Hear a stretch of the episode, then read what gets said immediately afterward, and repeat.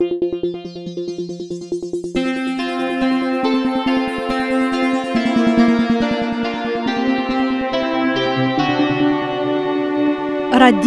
Esperanto. Parolas Kaliningrado. Saluton. Hodiu la 9 de oktobro el la Kaliningrado studio de Radio Esperanto, vin de novo salutas Aleksandr Korženkov kai Halina Gorecka. je nia tria ciara, kai la tridek navo en tute son programo.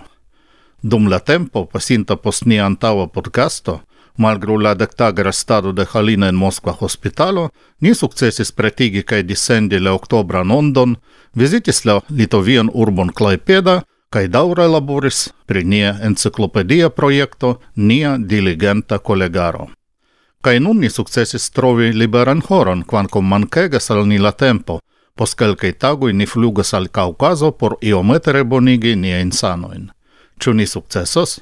Nu, Halina rakontas al vi pri nia sekva quardeca programo, cae nun, post malpli ol unu minuto, si rakontas al vi la nova Kaliningrado guberniestro, poste vi audas Esperanto novaĵojn, konatiĝas kun la enhavo de la Oktobra Ondo kaj la programon finos versportreto en Esperanto, kiu estas nia nova konkurstasko kaj nova kanzono en Esperanto. Bonan aŭskultadon!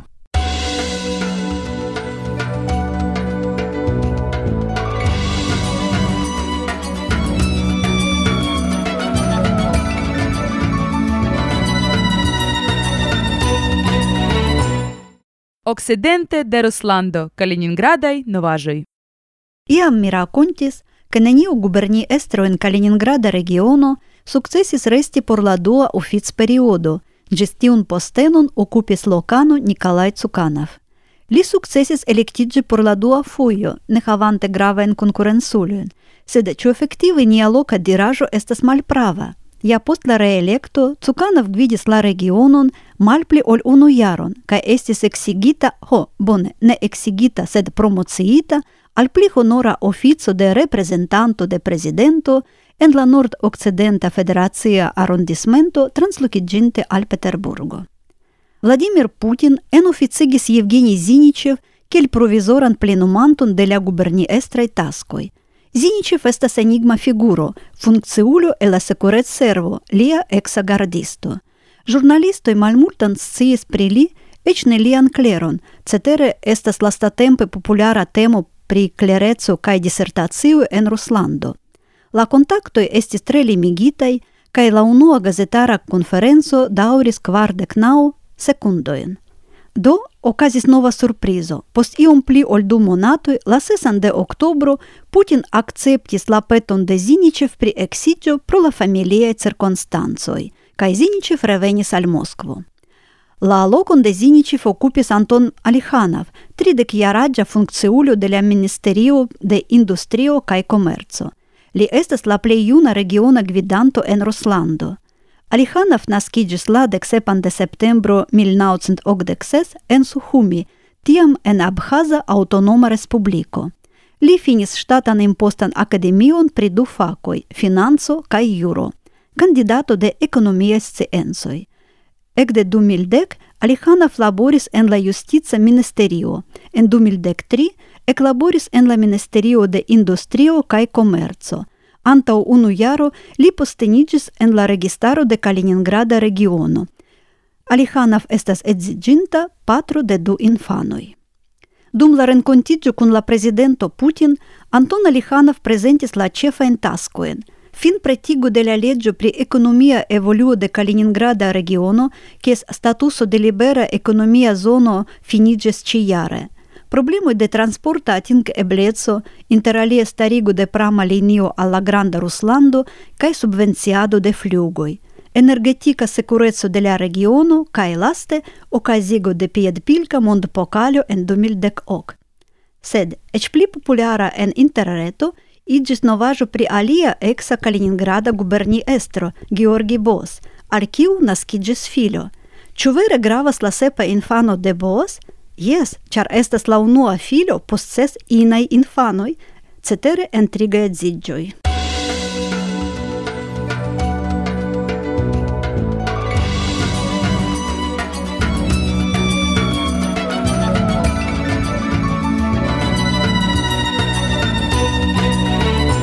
Esperanto novaĵoj. Dubuonekonata esperantistoj de la interreta generacio, Chuck Smith, la esperantisto de la jaro 2010, kaj je Vildea, la plej spektata esperanto-filmisto ĉe YouTube, starigas novan esperanto-telefon aplikaĵon Amikumu, kiu helpos trovi esperantistojn en via aŭ en alia urbo. La fame fondaĵo kaj la germana urbo Allen attribuis sian dekvinan Esperanto kulturpremion, kiu konsistas el 3000 euroi, al Katalin Kovac. Per tio oni honoras sin pro la fondo kaj daura prisorgado de Educado Net, populara retportalo pri instruado de Esperanto. Katalin Kovac fondis la retejon de quin jaroi kaj de tiam constante redaktas gin. La solena transdono de la premio Okazas dimanche post unu semajno, tio estas la deksesan de oktobro 2016, je la dekunua horo en la urbodomo de Allen. La partio Unu Mondo, fondita antu ses jaroj de sep esperantistoj kaj unu neesperantisto, partoprenis en la distriktaj balotoj de Luneberg la dekunuan de septembro 2016. La resulto estas kuraĝiga. Tie, kie la partio havis kandidatojn, tio estas en la urbo Lüneberg mem, kaj en du apudaj comunumoi, ĝi akiris entute 1,32% de la voĉoj. La dua kaj lasta parto de la kurso Esperanto per rekta metodo de Stano Marček aperis kiel aplikaĵo por Androidaj poŝtelefonoj en la butiko de Google Play. Cadre de nazie legado du mildexes en Polando la 3 de septembro estis legata la romano Quovadis de Henrik Senkevich. En kelkaj urbo esperantistoj prezentis fragmentojn de la esperanto versio de la romano tradukita antu pli ol okdek jaroj de Lidia Zamenhof. Laŭ proponoj de membroj de la Esperanta Pencentro, ties asembleo, decidi submeti al referendumo de la legantoj de literatura foiro kvin personojn por elekti esperantlingvan kandidaton al la literatura Nobelpremio. Ili estas Spomenka Štimec, Ištvan Nemere, Giorgio Silfer, Trevor Steele kaj Marjorie Bolton – La dudecan de augusto pli ol ducentrindec personoi el kvar Americae landoi, Canado, Usono, Mexico kai Kubo, partoprenis dudek quin samtempe in Esperanto rencontigioin kadre de la nova proiecto Paralela Universo. Inter la partoprenantoi multis gejunuloj cae cursanoi cae excursanoi de Duolingo. Esperantista grupo el Japana insulo Hokkaido venis por unu semajno al la apuda Ruslanda insulo Sahaleno. Ili rakontis pri Esperanto en redakcio de loka gazeto, en biblioteko kaj universitato, kaj varbis frustrata por Esperanto prezento okazinta en la hotelo Gagarin kun dudeko da ruslandanoj, kiu entuziasma aŭskultis paroladon pri la internacia lingvo kaj ĉeestis enkondukan lecionon de Esperanto. Fine de augusto en Frascati okazis la 83 Itala Congreso de Esperanto, kies pli ol ducent partoprenanto el dudeco da landoj ĝuis semajnon plenan de kulturo, klerigo, turismo kaj vino.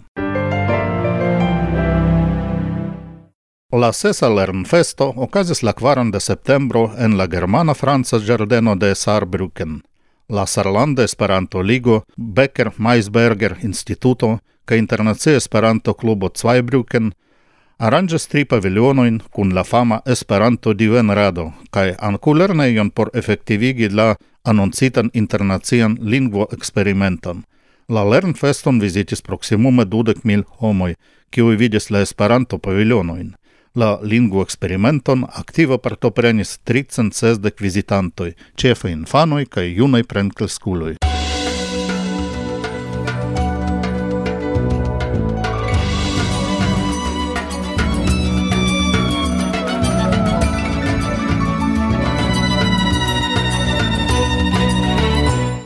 parolas Kaliningrado. Ni kun creo capablan, engagitan, multflancan, ca efican asocion estas la titolo ca la kerna ideo de la interviuo kun Mark Fettes, somere elektita por la dua triara presidenta mandato en UA. Li respondas al demando de Alexander Karzhenkov pri sen alternativaj electo en UEA, pri plenumitaj kai ne plenumitaj celoi kai projektoj dum la antao presidentezo, Pri la strategia plano kaj daŭripova evoluo, du aferoj pri kiuj multaj el niaj aktivuloj apenaŭ interesiĝas, pri la novaj direktoro kaj redaktoro, pri la modifo de la statuto de UEA kaj restrukturigo de la rilatoj kun Tejo kaj pri aliaj gravaj temoj. Ĉi tiu intervjuo estas la ĉefmaterialo de la oktobra kajero de la Ondo de Esperanto, antaŭ du semajnoj dissendita al la abonantoj, sed nature – ne mancas la kutimaj sekcioj kaj rubrikoj.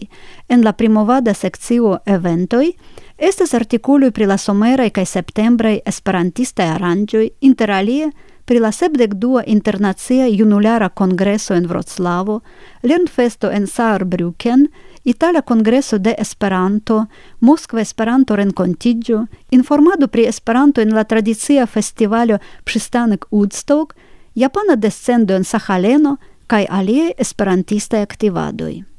En la rubriko Tribuno estas publikigitaj ses leteroj de nie legantoj, kiuj esprimas sian opinion pri la baldaŭa transformiĝo de la ondo de Esperanto al Bitgazeto kaj la redakciaj komentoj al ĉiu el tiuj leteroj. La conata cina activulo Trezoro, propra nome Juan Inibao, en sia articolo alvocas sien samlandanoin paroli Esperanton ancau kun siaj samlandaj samideanoj. Chuck Smith kaj Evil Dea, bone conata en la reta Esperantujo, rakontas pri nova revolucia telefon aplikaĵo por esperantistoj.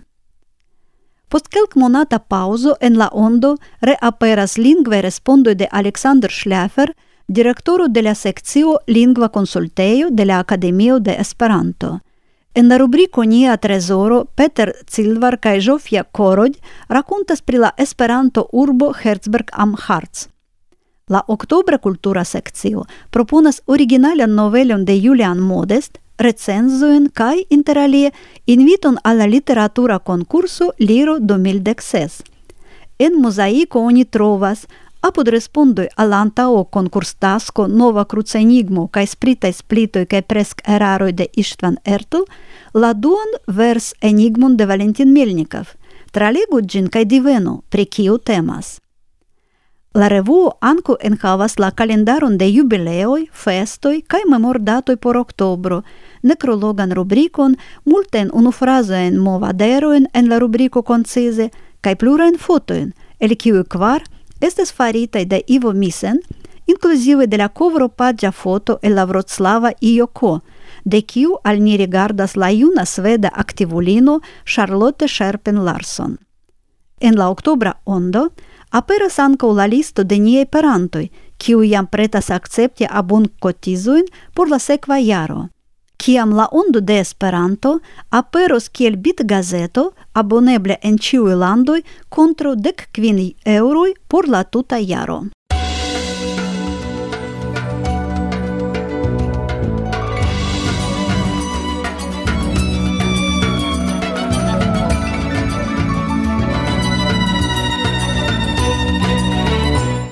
La Ondo de Esperanto lanĉis novan konkurson, en kiu Valentin Melnikov verse prezentas dek fame konatajn esperantistojn, kaj la tasko de la legantoj estas diveni la nomojn de la prezentatoj.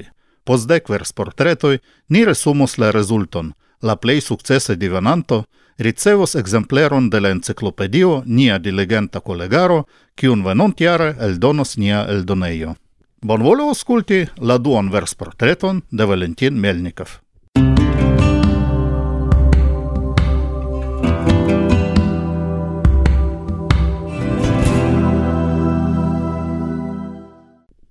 Tralmundo faris multen liveturojn, prescribis anco la falantajn muroin, nur cacatuoi sed ne papilioi, flugadas super la roman folioi, instigas li mediti pril naturo, che ne detruu gin la homa spuro.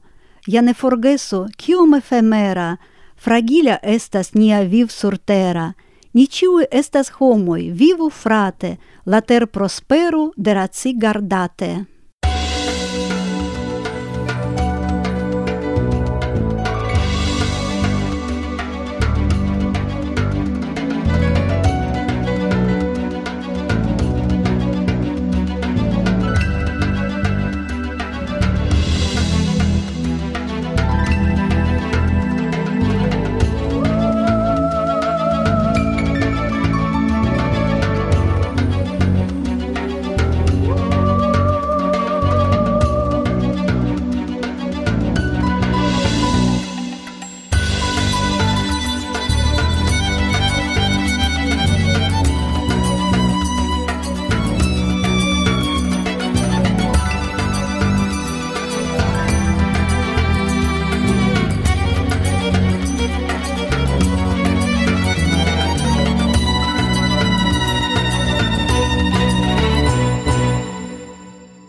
Radio Esperanto. Nia programo proximigas al la fino. Same kiel pasinfoje, ni proponas al vi aŭskulti kanzonon el la nova decdu canzona albumo Bosniumos de Espo Despo. Nun Amir Hadži Ahmetovic kantas por vi la kanzonon Neggio falis, kal al mi restas nur diri ĝis reaŭdo.